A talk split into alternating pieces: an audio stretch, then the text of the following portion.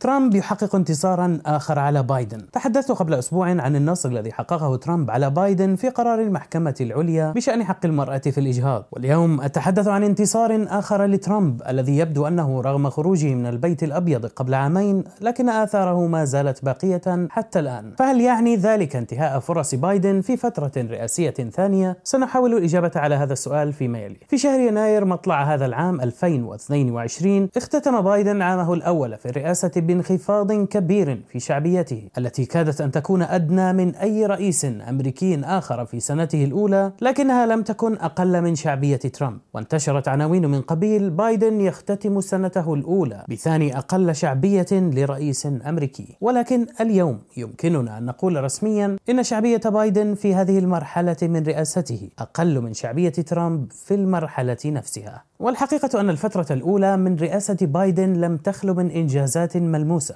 مثل تمرير حزمة مساعدات كورونا بقيمة 1.9 تريليون دولار وحزمة البنية التحتية التي وافق عليها الحزبان في الكونغرس بقيمة 1.2 تريليون دولار. لكن هذه السنة لم تخلو من الصعوبات أيضا وأهمها كان استمرار الجائحة وظهور المتحور أوميكرون شديد الانتشار الذي لم يكن أثر الإصابة به واضحا بعد. والأهم من كورونا الوضع الاقتصادي الذي طغى عليه التضخم وأزمة سلاسل التوريد. ورغم احتفاظ الحزب الديمقراطي الذي ينتمي إليه بايدن بأغلبية في الكونغرس لكن هذه الأغلبية لم تتمكن من تمرير أهم مقترحات بايدن وهي حزمة إعادة الإعمار Build Back Better بقيمة 1.75 تريليون دولار التي تمثلت بأكبر استثمار على مستوى البلاد في برامج البيئة والبنية التحتية والاجتماعية. هذه الأغلبية فشلت أيضا في إقرار قانون يحمي حقوق التصويت للأقليات خاصة لمقاومة إجراءات الحزب الجمهوري في عدد من الولايات الأمريكية التي قيدت قدرة الأقليات على التصويت وسهلت تدخل السياسيين في الانتخابات من قبيل رسم الدوائر الانتخابية بما يضمن فوز أحد الحزبين. انخفاض شعبية بايدن أدنى من شعبية ترامب قد يعني الكثير. في مطلع العام مع انخفاض شعبية بايدن بات واضحا لدى العديد من المراقبين والمحللين أن فرص الديمقراطيين المرشحين في الانتخابات النصفية التي ستجري في نوفمبر من هذا العام قد تضاءلت. الانتخابات النصفية هي انتخابات تجري في منتصف الفترة الرئاسية لأي رئيس أمريكي، وأبرز ما فيها التصويت لأعضاء مجلس النواب وبعض أعضاء مجلس الشيوخ وحكام الولايات. لذا فإن غالبية هذه المناصب عرضة للتغيير في كل عامين، في سنة الانتخابات النصفية ثم الانتخابات الرئاسية التي تليها بعامين وهكذا دواليك. وبالنظر إلى فرصة بايدن في رئاسة ثانية في عام 2024 تقول السوابق التاريخية إن فرصه بالرئاسة ما تزال قائمة. أوباما خسر الأغلبية في مجلس النواب في انتخابات 2010 لكنه فاز بفترة رئاسية ثانية في 2012 أيضا دونالد ترامب خسر الأغلبية في مجلس النواب في عام 2018 وكاد يفوز بالرئاسة في عام 2020 ولذا فإن تراجع الحزب الديمقراطي في الانتخابات النصفية قد لا يعني انتهاء فرص بايدن بالرئاسة في عام 2024 لكن هذا التحليل ربما انتهت صلاحيته بعد انخفاض انخفاض شعبية بايدن إلى ما دون شعبية ترامب بخمس نقاط مئوية. ترامب وصل إلى الانتخابات الرئاسية دون أن تنخفض شعبيته وخسر حزبه حينها 41 مقعدا في مجلس النواب وكسب مقعدين في مجلس الشيوخ. ورغم أن شعبية بايدن قد تتعافى من الآن حتى نوفمبر موعد الانتخابات النصفية لكنها لم تصل في هذا العام إلى مستويات ترامب حتى الآن وقد يبدو ذلك أمرا صعبا. قرار المحكمة العليا مؤخرا الذي يلغي قرارها السابق